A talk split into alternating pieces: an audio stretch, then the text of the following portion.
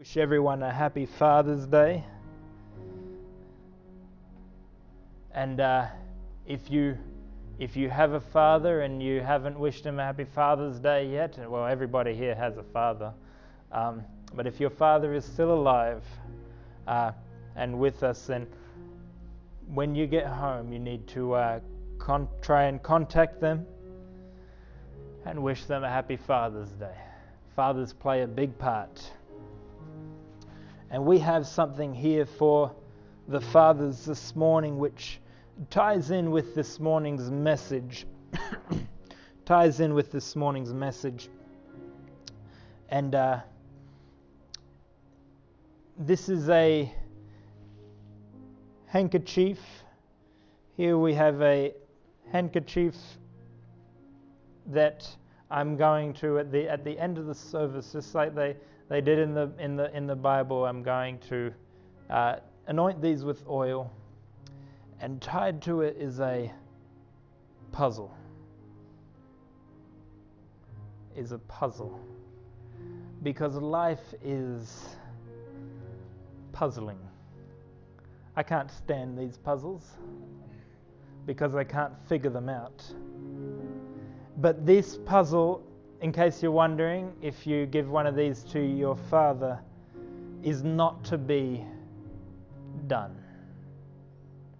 This puzzle is to set where next to wherever maybe you have a prayer time, and the handkerchief to wherever maybe you have a prayer time or a place to remind you of what I'm going to preach this morning. So let's turn to the book of Matthew chapter 11.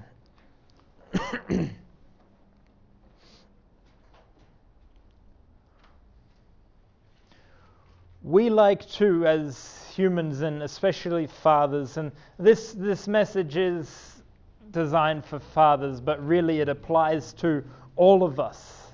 Um, it really does apply to all of us. So uh, I, you, you need to engage in this morning's message, okay, and, and, and hear what the Word of God has for you this morning because it applies to very much to all of us. But we like to we like three things as humans. We like very much three things, and there's more than just these three that we like. But we like control. We like to figure things out. And we like to have the answer, to be able to give the answer. We like control to be able to figure things out. And we like to have the answer. If somebody asks me a question, I like to be able to provide the answer. Sometimes, I'll be honest, and more often than not, I have to say, I don't know.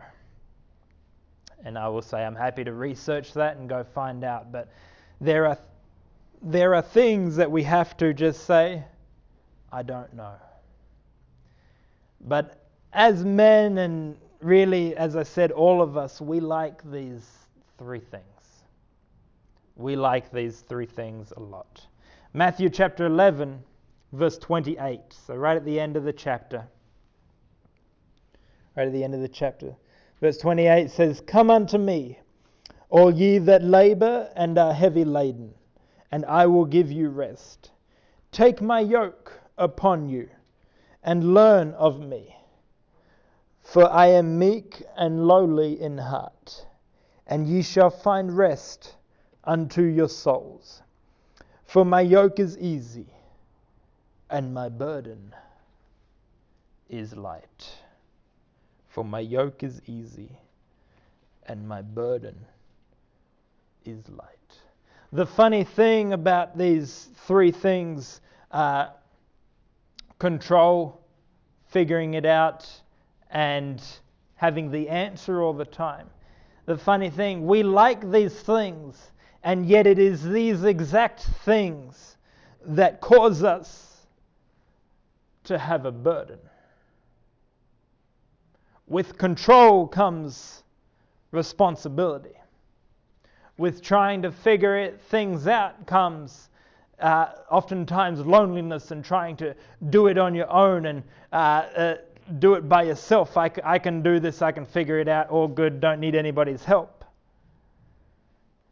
And with having the answer all the time, well, people assume that you know everything, and so they come to you all the time with questions and, uh, and expect an answer, and you give yourself the burden of high expectation of people expecting uh, all these all these things, and so we it, it really is quite strange that while we while we like these while we like these things and while we like to have control and, and we like to have everything in order these things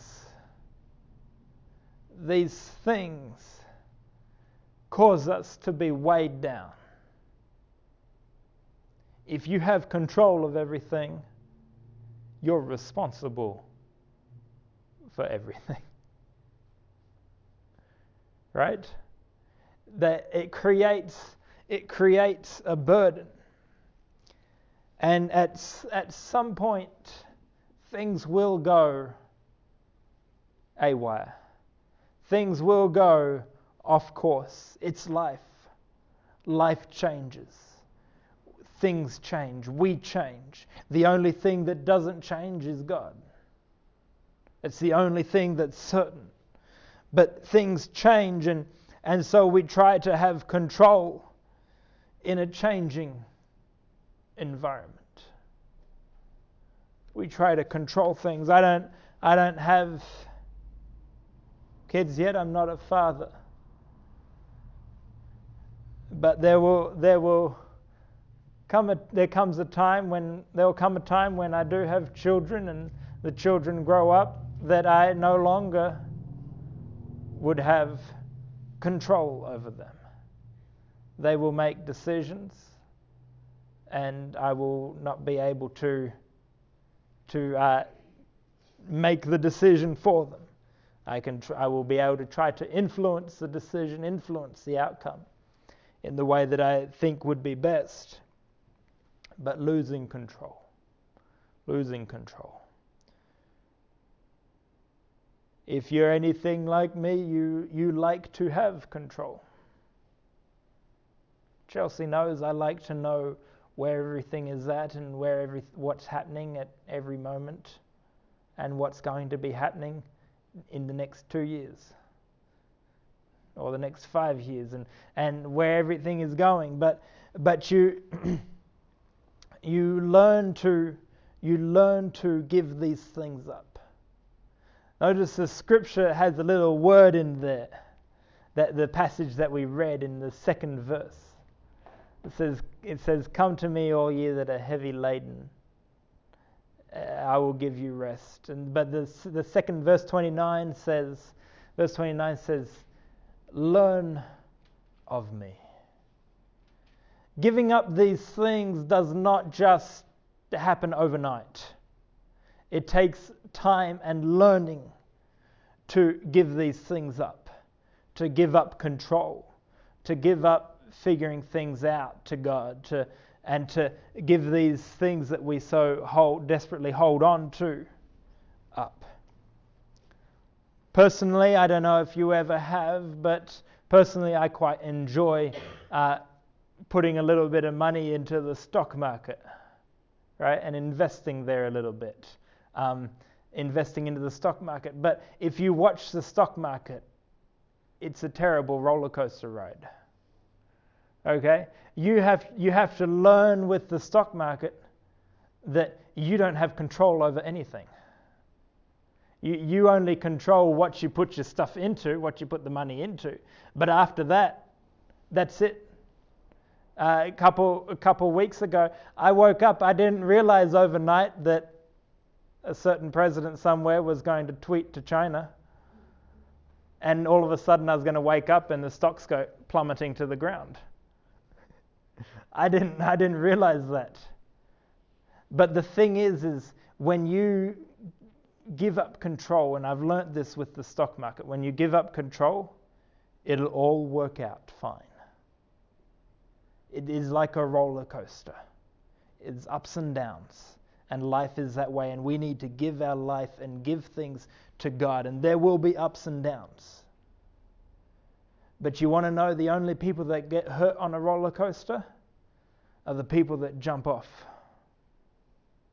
If you stay on a roller coaster, you will come back.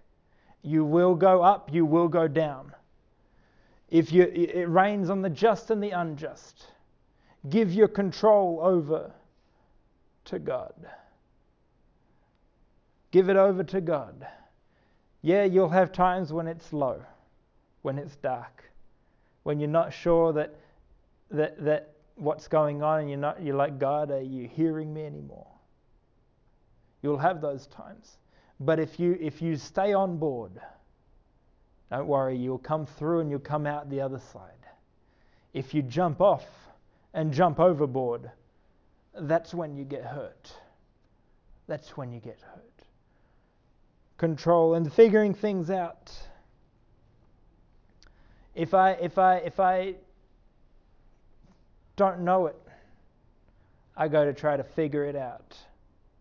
I go to try to figure it out and too often we rely on ourselves we rely on our own talents, our own abilities, our own powers, to, our own understanding to try and figure things out. We rely on our own knowledge to try and figure things out. We rely on what we understand and what we know to try and figure it out. When in reality, we just need to give it to God and let God take care of it. Let God take care of it. You see, I understand a lot of things about a small little portion. But God understands everything about everything. God understands everything about everything. If you, if you sit down at a desk and try to, uh, with nothing in front of you, and try to create something, using nothing, you can't do it. Our power and our understanding is limited. Yet there is a God that we have a relationship with who just spoke and the planets came into existence. His understanding and his knowledge and his power far surpasses ours. So, whatever it is you're trying to figure it out, figure out, give it to God give it to God.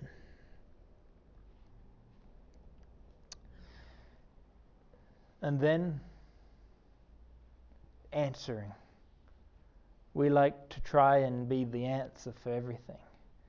I mean, I don't know about you, but I, I don't like telling someone I don't know. I don't know, you know, the shrug of the shoulders, uh, just not knowing. When sometimes we feel like we should know, when sometimes we feel like we should understand. But again, when you don't know, you give it to God. You give it to God. And then becomes the question. We lead to the question How? How do we how do we give it to God? It's very easy it's very easy for me to, you know, I say, I, I, I, I tell, I run up to Nanda and I say, hey, can you give this to Gemma, please? And Nanda does that. That's very easy. It's really, it's quite simple. But it's not, it's, it's, as, it's as simple as that with God, but we cannot think the way we think in our mindset on this earth. These puzzles are here for you when you when you look at them to remind you of what you need to do when you go to prayer and you're praying about a situation and what you need to do. So here's how we here's how we give things to God. It will become easier each time you do it. Each time it happens, it will get easier to give it to God. When I first invested into the stock market, that was terrifying. It became easier as, you wrote, as I wrote the roller coaster, though. And the same is with God.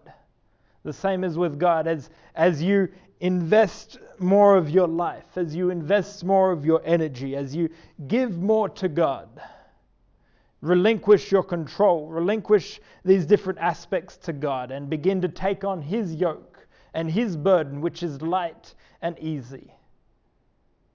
When you begin to do that and you begin to ride the roller coaster of life, you will realize after a few times that, that God has everything in control, that He'll take care of it, that everything will work out that he, he's not going to uh, take you through this tough time and through that tough time to let you fall off the roller coaster on the third one. He's not going to bring you through all that just to let you uh, fly off the rails. So it will become easier.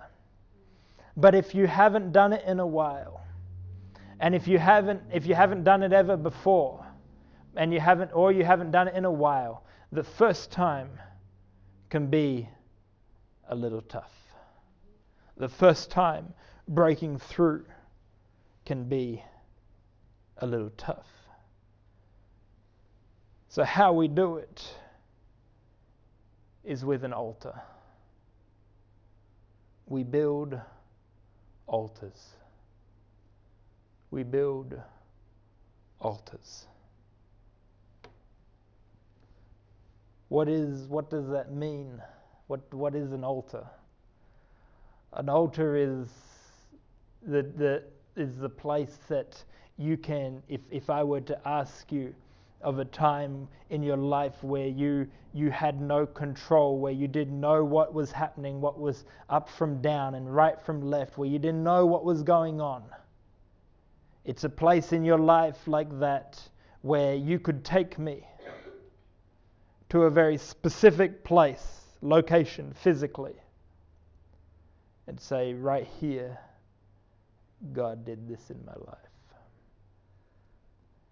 I could take you to a dorm room that changed my life as I prayed with some other young men in college. I could take you to my own dorm room where God moved in a situation that I that I was praying about that I had no control over. I could take you to altars at different churches where I was praying at, and, and, and God changed my life. And things happened, and, and God moved. We build an altar by having an encounter, as I mentioned earlier, with God. An encounter with God where you leave and the situation may not have been resolved, but you've, you've left that situation on the altar and you've burnt it on the altar and left it there. And whatever, whatever God does is up to Him and His will. But you should be able to take me to places. Those are the altars in your life. Those are the, th- the times in your life. And if you haven't built an altar in a little while, then all I can do is urge you and encourage you to have a breakthrough in a prayer time with God. Have a breakthrough in a prayer time and build another altar. Build another altar. An altar an altar is a symbol, a sign that tells people that come by that there is a God. It's part of your testimony. An altar is also a reminder to you as you look back over your life. An altar reminds you that it doesn't matter what you're going through now, God brought you through all that other stuff. So He's going to bring you through this, and maybe it's time to build another altar. That's what an altar does is reminds you. Yeah, some people say that we should try to uh, forget the past. The past is in the past and, and move on. And yes, to an extent we should, but never forget what God's brought you through. Never forget the altars. An altar stands as, as a sign for others passing by that there is a God a real God, that the, the numbers may not have added up, the situation may not have added up, and yet somehow you brought through. You were brought through. Just like the altar that stands still on the other side of the Red Sea, that you can go and see remnants of the altar that was built by Moses and the Israelites after they were brought through the Red Sea as a sign uh, to the world that what happened really happened. That they didn't just pass through. It's an altar. But building an altar isn't easy. It's not easy. building an altar isn't easy. In Exodus chapter 17, uh, we read of Moses building an altar. Uh, we read of God uh, taking control of a situation with the Amalekites. The Amalekites, uh, the Israelites were leaving, leaving uh, Egypt, and then they come across the Amalekites, and Joshua is in battle with the Amalekites. And uh, every time Moses' hands are risen, Joshua pushes back the Amalekites. But every time his arms come down, the Amalekites start being victorious. And so uh, Moses has two young young leaders that come either side of him and hold his arms up and have a stone and they get a stone for Moses to sit on. And they hold his arms up till the victory is won by Joshua. And then Moses builds an altar for a promise that God made in that day. God took control of the situation that they faced with the Amalekites. God took control of that situation. God said, I, I will not forget this day, and I will wipe the Amalekites from the face of the earth so that nobody remembers them as a nation. As a nation. And we see that come to fulfillment in the book of Samuel, where King, da- well, he wasn't king yet, but where David takes off from Ziklag after the Amalekites and wipes them off the face of the earth and, and destroys them completely. But God took control of that situation, but it wouldn't have been easy for Moses. In that time, he's wore out to the point of someone else holding his arms out. He's tired and exhausted and is worn out from watching the battle, seeing people that followed him die in this battle. And yet, after the, although he's worn out, he picks up one stone, lays it down, and another, lays it down, and another, and lays it down, until he has built an altar before God. Brothers and sisters, you will be, when, when it comes time to building an altar, you won't feel like it. You'll be wore out, you'll be exhausted and you won't feel like building an altar. In Genesis chapter 12, verse 7, God promises Abram, God promises Abram that his seed would be a nation that would rule the land that Abram is currently in. Yet Abram is an old man. But what does Abram do? He builds an altar to that promise, even though he can't figure it out. He can't figure out how it will happen. He doesn't know how it will go, go down and how his seed, being at his age, would ever populate anywhere. And that how he would, how he would even have a son. And yet, despite not being able to figure it out, he builds an altar. even though he can't figure it out. And then in 1 Kings chapter 18, Elijah builds an altar and allows God to answer the prophets of Baal. Elijah builds the altar and allows God to do the talking, allows God to answer the prophets of Baal. When you don't know what the answer is, take the question to God. The prophets of Baal said, We'll see whose God is real. You build your altar, and our 400 prophets will will build our altars to Baal. And Elijah said, Okay, I'm not going to try and answer you with my understanding, but I'll allow God to answer you for me. And so he built his altar. He built his altar. He pours buckets of water on the altar. He does all sorts of stuff uh, building this altar. Meanwhile, all the prophets are doing their, the prophets of Baal are doing their thing.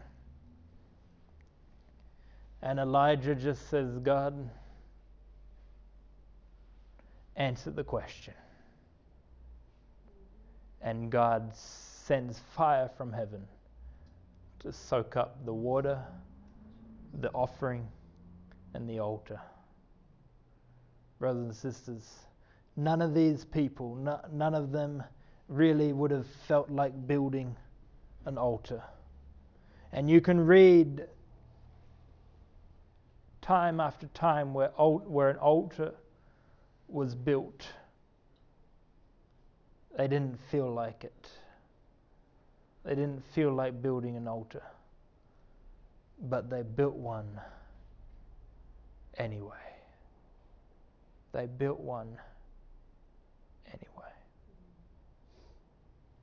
Building an altar is how you place it into God's hands. You see, if God appeared to Abram and said, Abram, I'm going to, your seed is going to inhabit this land, many of us, and probably my, uh, myself included, I put myself in this boat but if you think really about it, we would probably try to lay out a five year strategy of how God's going to figure this out and how it's going to work out. If we were confronted with, and we are confronted with people that don't believe in God, we try to answer them with our understanding and our knowledge. But there comes times that we just need to pray to God and say, God, will you just show yourself to them? And just let God take control. Let God give the answer. And then there's many times that we try to take control of a situation. God gives a promise and we try to take control. Yes, there's things we need to do. But the ultimate fulfillment of the promise is left up to God. Is left up to God. So, my question to you this morning is when did you last build an altar? Has God promised you some things and yet you, and you haven't built an altar yet towards that promise? If we could have some music. And to the fathers that are here and the ones that may be listening online. You don't need the control all the time. You don't need to figure everything out. You don't need to have the answer for everything that your children may ask. What you do need is an altar that you can direct people to.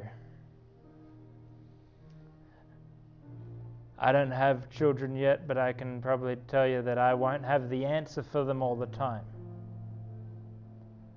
But as long as I can direct them to an altar that I built and direct them to where God moved in my life and let them know that He'll do the same in their life. Direct them to the one who has the answer. Direct them to God. Then, in turn, you really do have the answer because the answer is God. This morning, could we stand?